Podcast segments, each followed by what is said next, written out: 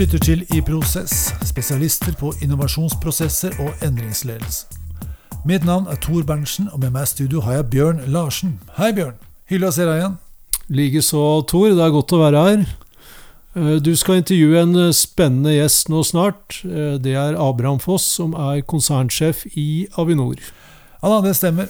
Og vi skal snakke om mennesket bak lederrollen. Men før vi går til selve intervjuet, så skal du og jeg reflektere litt over hva vi tror er selskapets innovasjonsevne. Altså hvor utfordrende er det å lede innovasjonsprosesser i Avinor? Det skal vi, og da reflekterer vi på en skala fra 1 til 10, hvor 1 betyr at det er normalt utfordrende å innovere selskapet, og 10 er spesielt utfordrende. La oss bare få det klart og tydelig med en gang. Eh, Dette er ikke helt sånn eksakt vitenskap. Men det, det er- kan bli det. Det kan bli det. Veldig bra. Og én normalt utfordrende, det betyr ikke at det er lett. Det er fortsatt krevende. Nei, innovasjon er jo aldri enkelt, Nei, så, så vi starter et stykke opp Ja. på kompleksiteten. Absolutt. Ja, har du bestemt deg for et tall?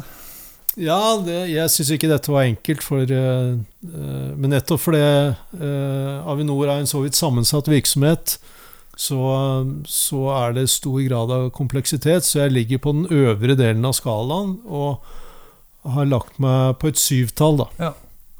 Ja, det er ganske høyt. Um, vi har vært høyere enn det tidligere, og jeg tror jeg, jeg vil gå enda litt høyere enn deg denne gangen. Jeg vil legge meg på ni. Ok. -hmm. Det er nok fordi jeg har jobbet der, så jeg har litt annen type erfaring enn det du har. uh, Det er jo litt unfair, da, men eh, det blir spennende å høre. Ikke Ja. Kan du si litt om uh, de store tallene for selskapet, så vi får sånn uh, utgangspunkt for uh, samtalen? Ja, Avinor eh, opererer jo på 44 lufthavner eh, spredd rundt i hele Norge. Og de har flysikringstjeneste for både sivil og militær eh, luftfart i Norge. Og eh, rundt 3000 medarbeidere. Så det er eh, nok en mye større og mer kompleks virksomhet enn det kanskje folk flest tenker på i hverdagen, som treffer treffer eh, Gardermoen eh, lufthavn på vei til Kanariøy eller på forretningsreise. Ja, ikke sant.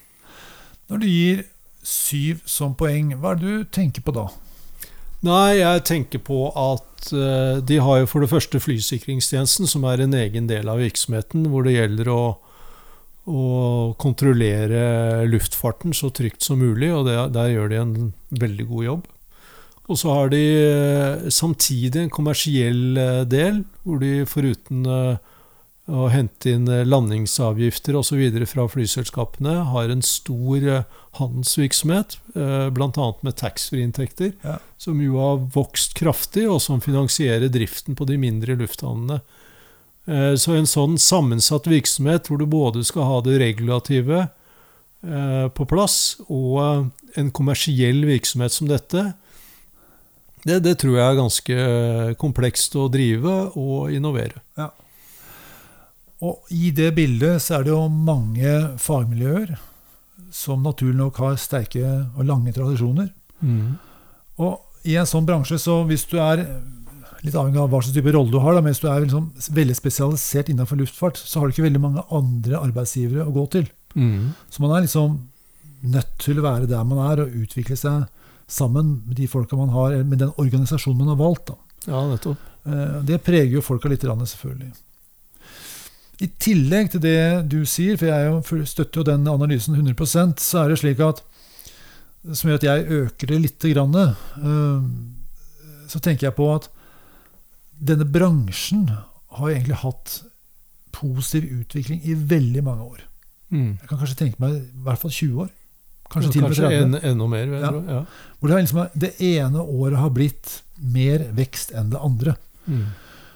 Og da er det jo selvfølgelig en utfordring å håndtere veksten. Det er jo klart en, en, en viktig utfordring. Men, men det, det er jo uansett hvordan man vrir og vender på det, så er det jo enklere og mye morsommere å håndtere vekst enn å Mm. håndtere nedgangsperioder. Ja. Eh, Og dette er jo selskap som har håndtert vekst veldig bra i veldig mange år.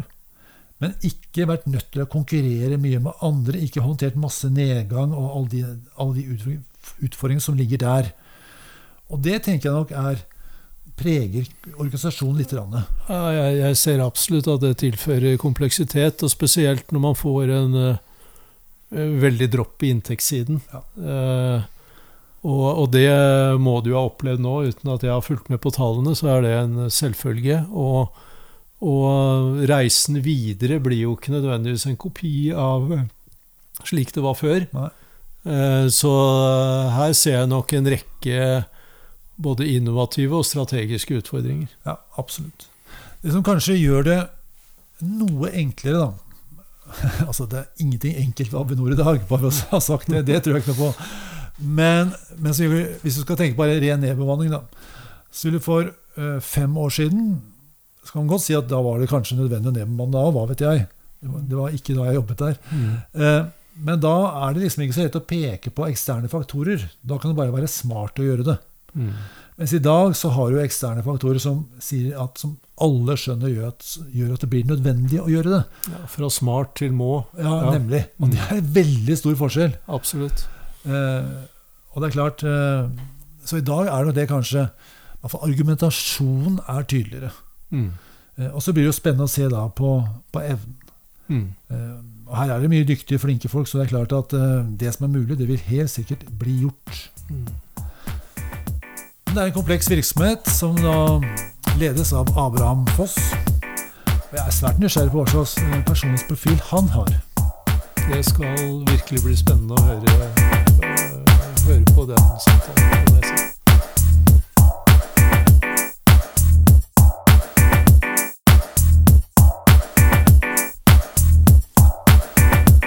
Lytter til I Prosess, spesialister på innovasjonsprosesser og endringsledelse. I dag skal vi snakke med Abraham Foss, konsernsjef i Avinor, og mennesket bak lederrollen. Velkommen, Abraham. Takk, takk. Før vi går videre, vil jeg si litt om bakgrunnen for denne podkasten. Psykolog Daniel Kahneman fikk nobelpris i økonomi i 2002. Med sin forskning utfordret han modellen som er hele grunnlaget for samfunnsøkonomenes analyser. At vi mennesker tar rasjonelle valg for å maksimere egeninteresser. Men dette er ikke bare grunnlaget for samfunnsøkonomenes analyser. Dette er grunnlaget for din og min analyse. Vi liker å tro at vi tar rasjonelle valg. Kahneman er særlig kjent for sin forskning på beslutningspsykologi, atferdsøkonomi og lykkeforskning. Kahneman deler hjernens beslutningsprosess i to kategorier.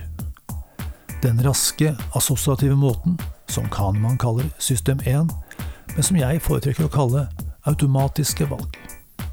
Den langsomme, analytiske måten, som Kahneman kaller system 2, men som jeg foretrekker å kalle bevisste valg.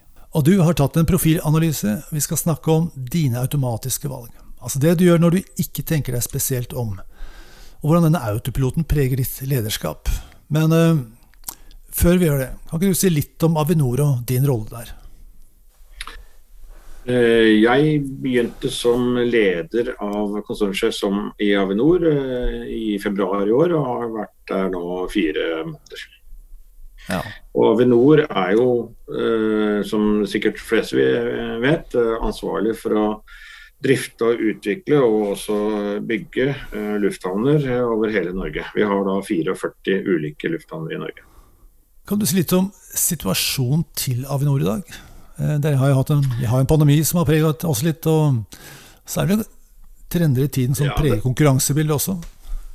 Ja, den preges jo av at uh, verden er satt på vent som en følge av uh, pandemien. Uh, eksemplifisert ved at vi hadde et fall på utenlandsreiser på ca. 98 altså 2 eh, eh, reiser, som et, et eksempel. Ja. Eller vi har en inntektsstrøm på en, bortimot 12 milliarder i et normalår. Eh, og vi i 2020 mistet 7,2 milliarder i, i, inntekter. Så det er som bare for å gi et bilde på relativt store utslag. Hva, hva tenker du er ambisjonen fremover da? Altså, nå På kort sikt er det jo å få hjulene i gang. Altså Ja. verden skal opp i fart igjen. Men eh, litt uh, utover det, da, så dreier det seg om å Vi, vi leverer tjenester og er, eh, leverer samfunnskritisk infrastruktur for noe som betyr veldig mye for veldig mange. Enten vi snakker lokalsamfunn rundt omkring i Norge, eller hele Norge. Eller kobling av Norge til resten av, av verden. Uh, og det har vi ambisjoner om å gjøre på en sikker, stabil og en effektiv måte. Og derigjennom spennende arbeidsplass for mange. Vi er nesten 3000 mennesker. I tillegg til at det er veldig mange som jobber i økosystemet rundt Avinor. Ja. Og det skal vi få til. Du, jeg kjenner Avinor litt fra innsiden, for jeg jobbet der med kultur- og lederutvikling for noen år siden. Og jeg kjenner til at bransjen har hatt en si, kontinuerlig opptur under flere tiår. Kan du si litt om dette med hvordan det preger kultur og miljø, eller hvordan man håndterer det som leder når det er såpass kraftige endringer? Det er, jo et, det er jo et system som har veldig lang eh, tradisjon og har en sterk posisjon. Det Kommer jo i og for seg fra en monopolsituasjon. Vi er jo ikke monopolist i dag, men vi har jo en veldig veldig sterk posisjon. Ja. Eh, Og eh, eh, som, som du nevnte, det har jo vært en eh, langsiktig vekstfase eh, som, eh, som eh, preger eh, organisasjonen. Veldig gode leveranser, har oppnådd mye. Flinke folk. eh, levd i en oppgangstid, samtidig som som vi ser at det er store utfordringer nå på kort sikt, som jeg var inne på, men Mm. også på lengre sikt. eh, Både i forhold til bærekraft og i forhold til, i forhold til at eh, vi går inn igjen altså Det neste året nå blir en krevende for hele verden å Ja. komme seg igjen etter eh, covid. Absolutt. Du har tatt vår profilundersøkelse og fått en av eh, 16 mulige profiler. Og nå er jeg litt nysgjerrig på hvordan dine preferanser, eller la oss kalle det styrker, kan bidra til å skape den fremtiden du nå ønsker. Det er er også- vi, la meg starte med, da, med et lite utdrag fra denne profilbeskrivelsen. La oss sjekke om du kjenner deg igjen. da. Uh, din type er forståelsesfulle, entusiastiske, inspirerende mennesker. De er orientert mot mennesker og menneskers muligheter, og er opptatt av å formidle sin overbevisning, slik at alle kan forene kreftene om å virkeliggjøre høye mål og idealer. Er dette en eh, rimelig beskrivelse av Abraham Foss?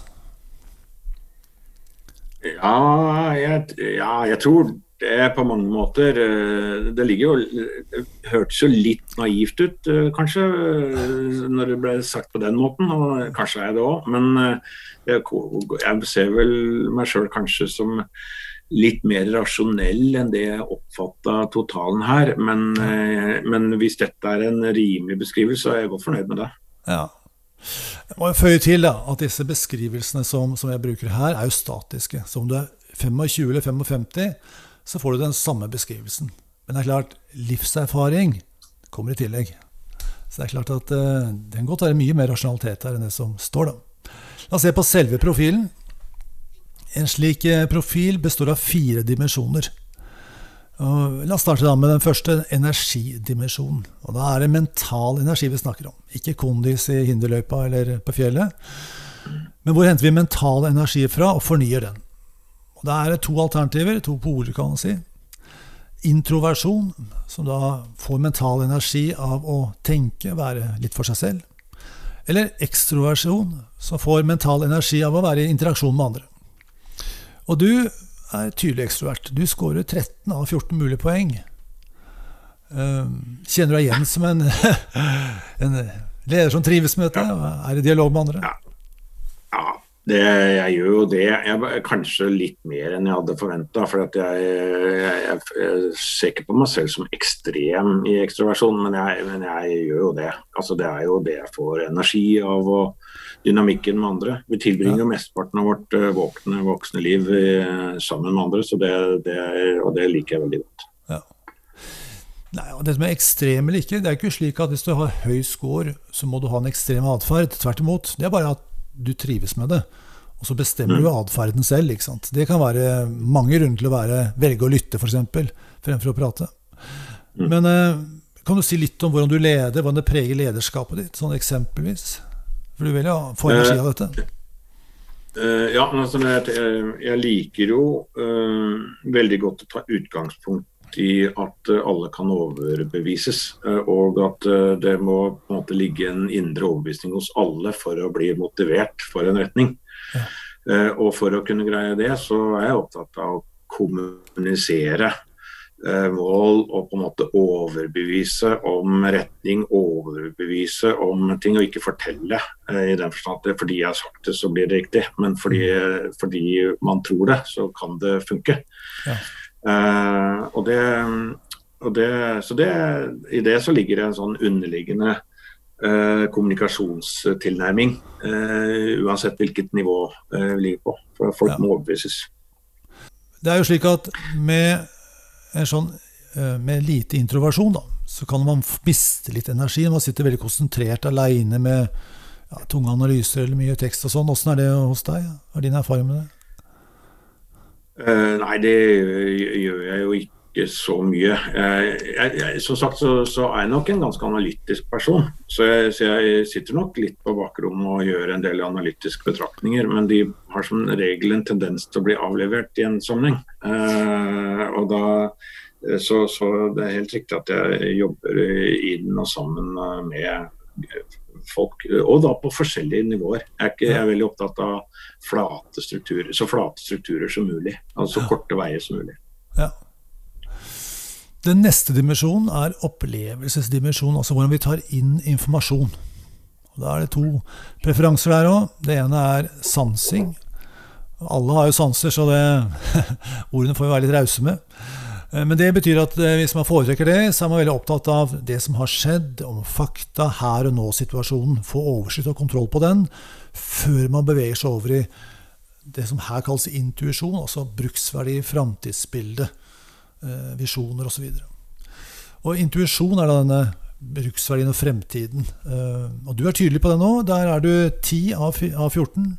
Så tydelig N i din profil. Er det Kjenner du deg igjen i det? Jeg tror det er, ja, jeg, jeg, tror det er litt sånn rollebeskrivelse. Eller litt sånn rolleutgangspunkt. fordi at eh, jeg er jo opptatt av å ta en rolle som leder for såpass stor organisasjon. da så, så, er jeg avhengig av å forsøke å snakke hvor, hvor skal vi, hvor, hva er retningen, hva er det vi skal være opptatt av. Og da, da blir jo ikke det da blir jo ikke det bare faktabasert, det, ble, det blir jo en litt sånn vurdering av hva tror vi på retning.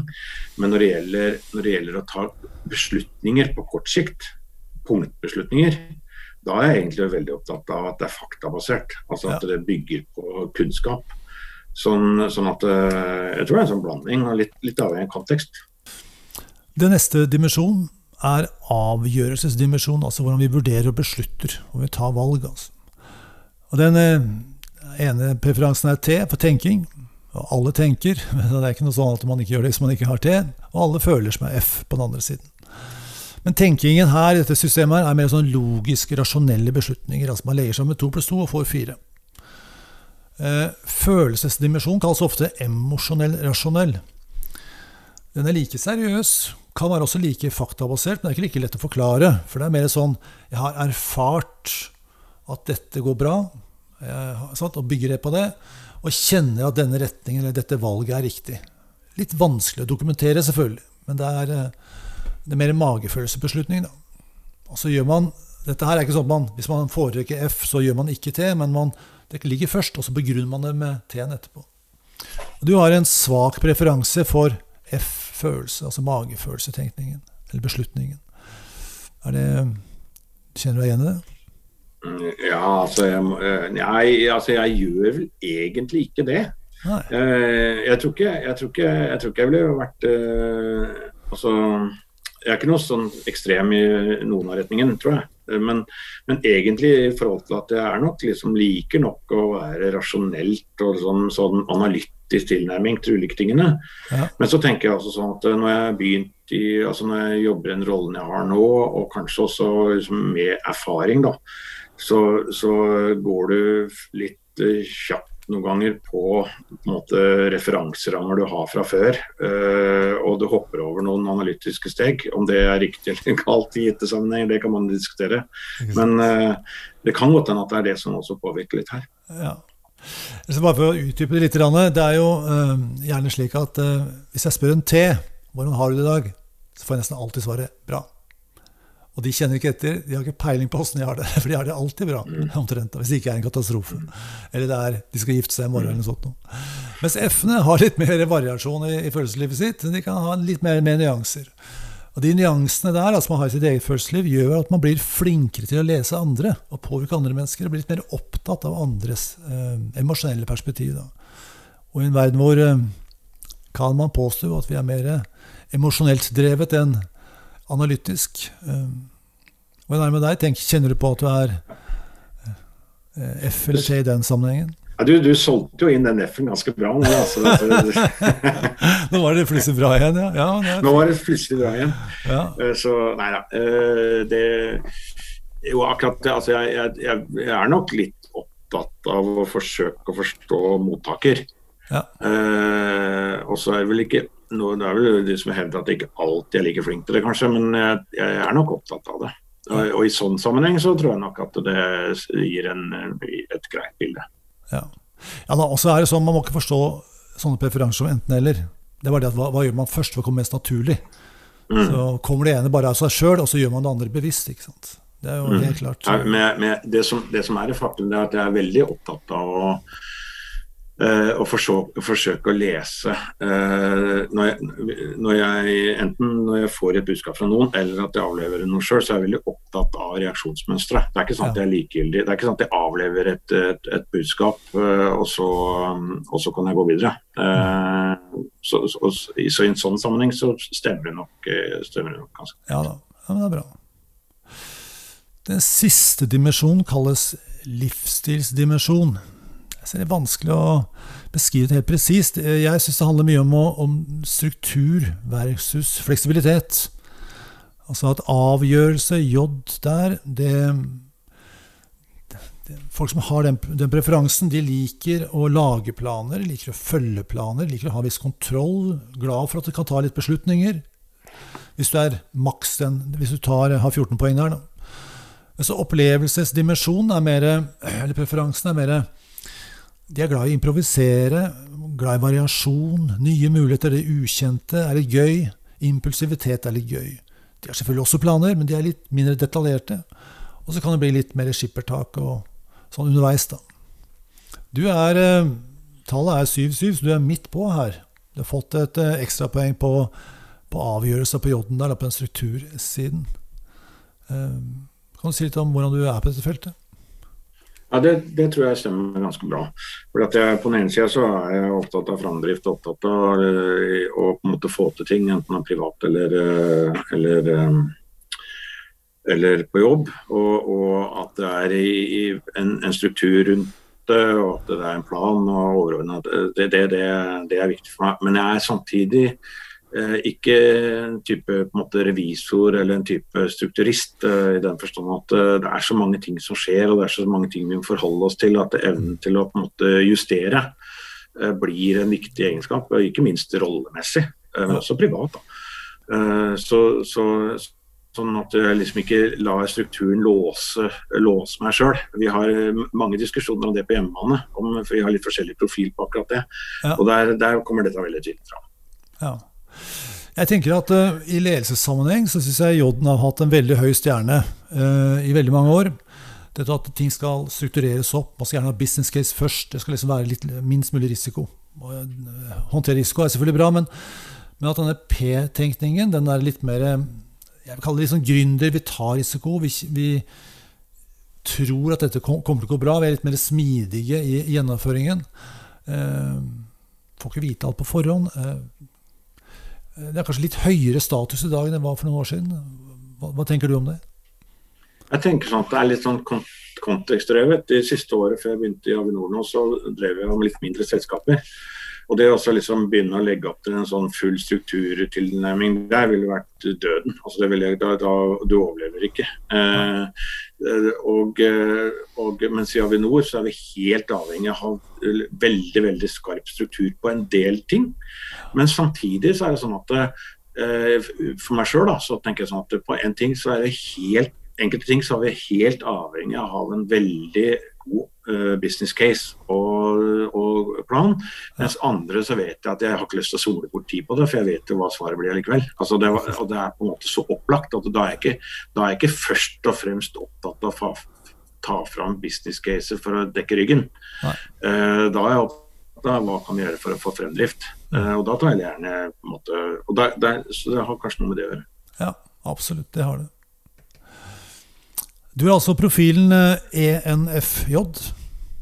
Hvis du tenker på de preferansene som er utenfor din profil, altså de du ikke har vært så mye oppmerksom på, eh, er det noe av de du tenker er viktig for deg å være ha spesielt fokus på fremover? Altså de ISTP. Er det noen av de som er sånn dette, dette er jeg nøye med? jeg tenker sånn at øh, øhm, i en ledelse av en sånn stor organisasjon som jeg tross alt sitter i, da, hvis jeg tar i lederrollen og glemmer det private, men tar lederrollen, ja, så, så er det Og vi er en veldig regulert virksomhet.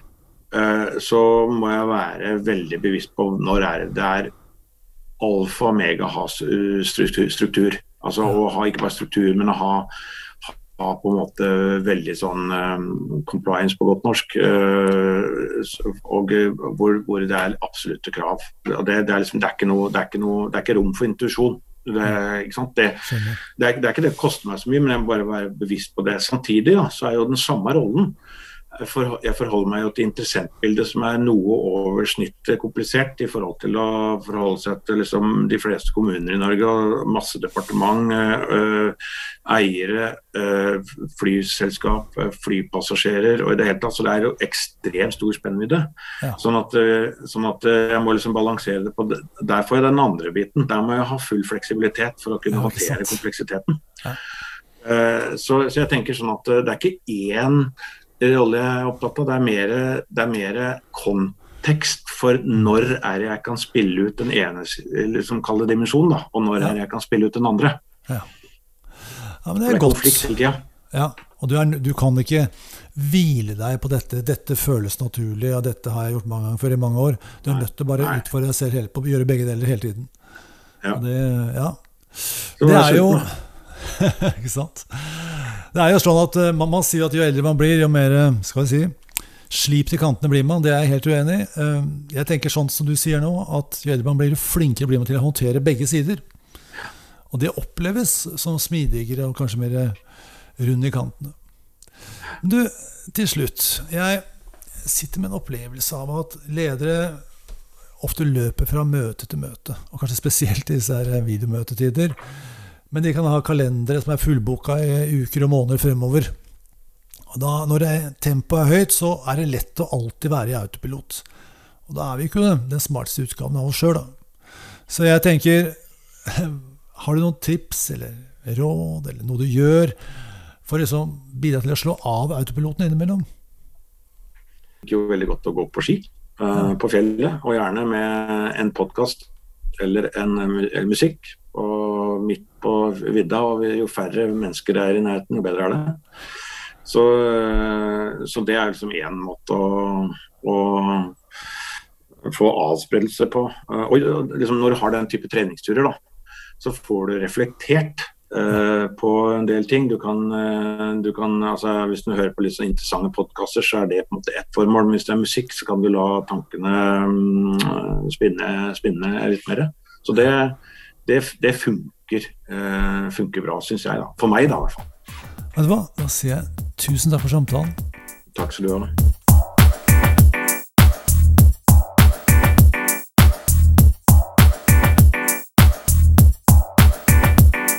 Er du i stand til å slå av autopiloten og jobbe fokusert med de viktigste oppgavene? Eller blir du fanget av hverdagens umettelige krav og tar automatiske valg? Og hvordan vet du hva som er forskjellen? Stikk innom i prosess.no og se hvordan vi kan hjelpe deg med å implementere strategien på rekordtid.